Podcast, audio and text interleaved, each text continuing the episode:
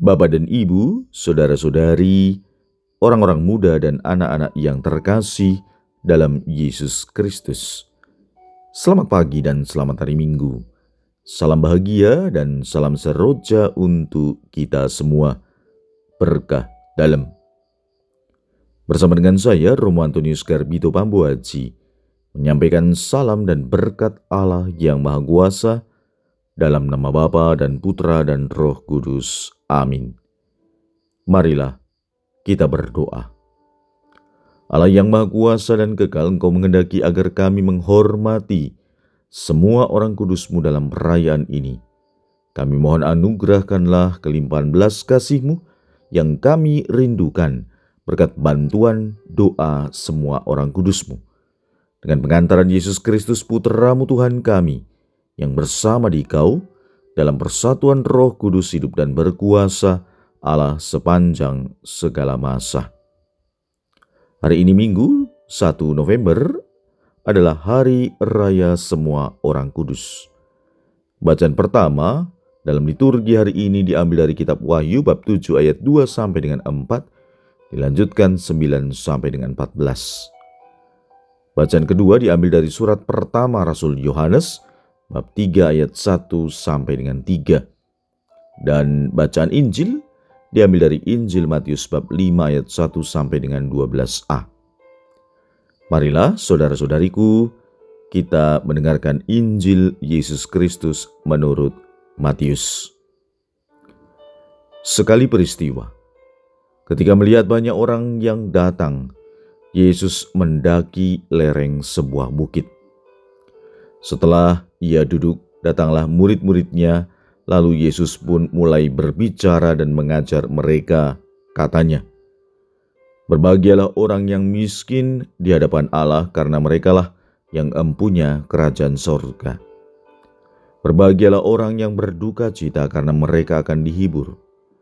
Berbahagialah orang yang lemah lembut karena mereka akan memiliki bumi.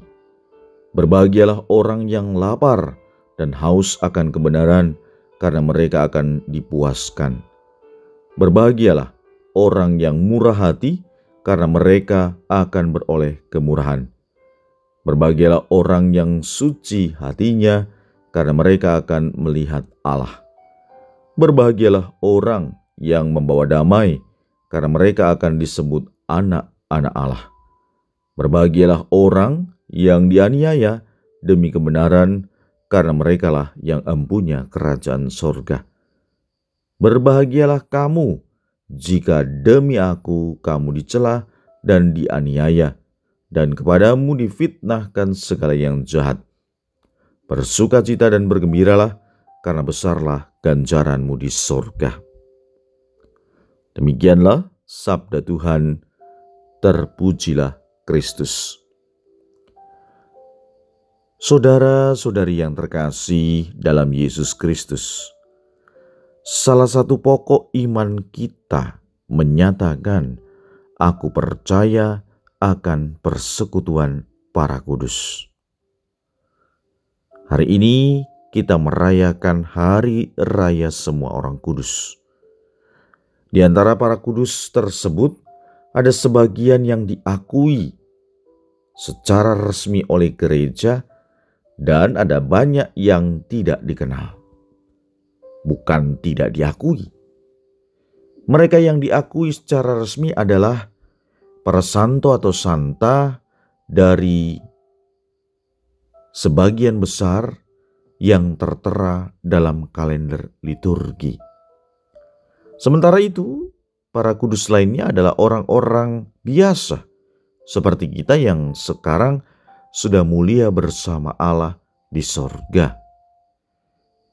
Hari Raya Semua Orang Kudus terutama dimaksudkan untuk merayakan para kudus kelompok yang kedua ini, yaitu mereka yang tidak dirayakan secara khusus dan tidak ada dalam penanggalan liturgi gereja. Mereka adalah orang-orang yang disebutkan dalam bacaan pertama hari ini, yaitu satu kumpulan besar orang banyak yang tidak dapat terhitung banyaknya dari segala bangsa dan suku dan kaum dan bahasa. Berdiri di hadapan tahta dan di hadapan anak domba, memakai jubah putih dan memegang daun-daun palem di tangan mereka. Mereka ini adalah orang-orang yang keluar dari kesusahan besar. Mereka telah mencuci jubah mereka dan membuatnya putih dalam darah anak domba. Kitab Wahyu bab 7 ayat 9 dan ayat 14. Selain itu, perayaan ini juga dimaksudkan untuk memperteguh pengharapan kita tentang apa yang akan kita alami kelak. Setelah hidup kita di dunia ini berakhir. Mereka yang kita rayakan hari ini adalah orang-orang biasa seperti kita, yang karena kemurahan dan belas kasih Allah telah mengalami kebahagiaan abadi di sorga. Mereka telah mengalami hidup sebagai anak-anak Allah secara penuh dan sempurna. Seperti mereka, kita juga telah diangkat menjadi anak-anak Allah.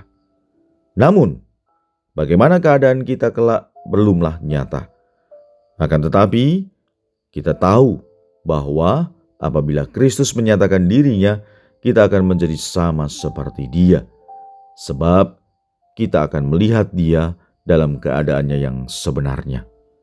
1 Yohanes bab 3 ayat 2. Untuk itu, mulai sekarang kita diajak mengarahkan hidup kita pada pengharapan akan masa depan dalam keabadian tersebut. Sabda bahagia dalam Injil memberikan resep atau tips bagi kita bagaimana kita bisa mengarahkan hidup ini. Tiga sabda bahagia yang pertama, ayat 3 sampai dengan 5, menegaskan bahwa orang dapat disebut berbahagia karena mengandalkan hidupnya pada Tuhan. Mereka yang miskin di hadapan Allah berarti menyadari keterbatasan dan ketidakmampuannya di hadapan Allah, kemudian berserah kepadanya.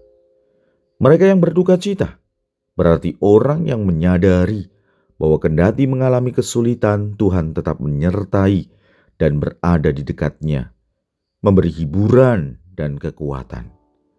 Mereka yang lemah lembut berarti orang yang cinta damai dan tidak menjauhi segala bentuk kekerasan, sehingga bersahabat dengan semua orang. Dua sabda bahagia berikut, ayat 6 dan ayat 8, menegaskan bahwa orang dapat disebut bahagia karena menjalankan kehendak Tuhan. Mereka disebut sebagai orang yang lapar dan haus akan kebenaran dan yang suci hatinya.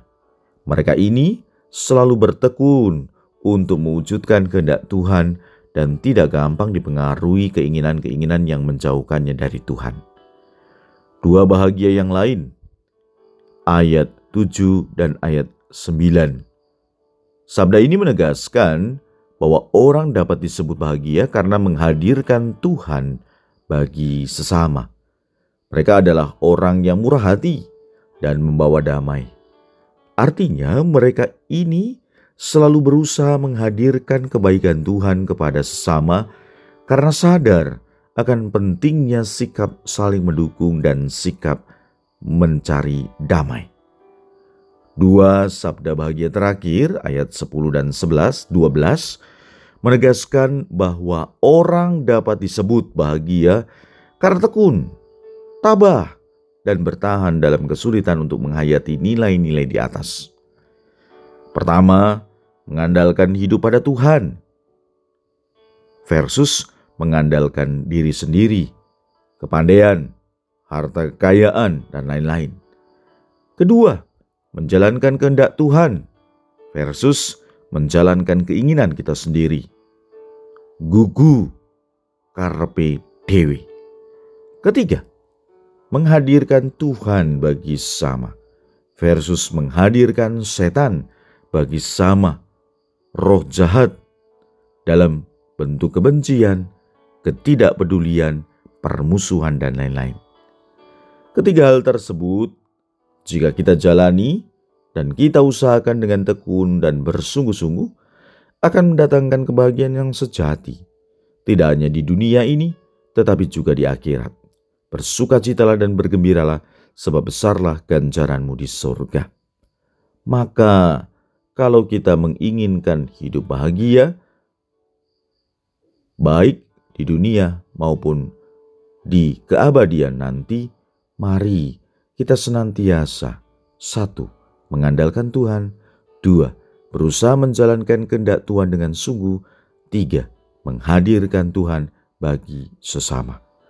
Mari kita berusaha mewujudkan ketiga hal ini dengan tekun.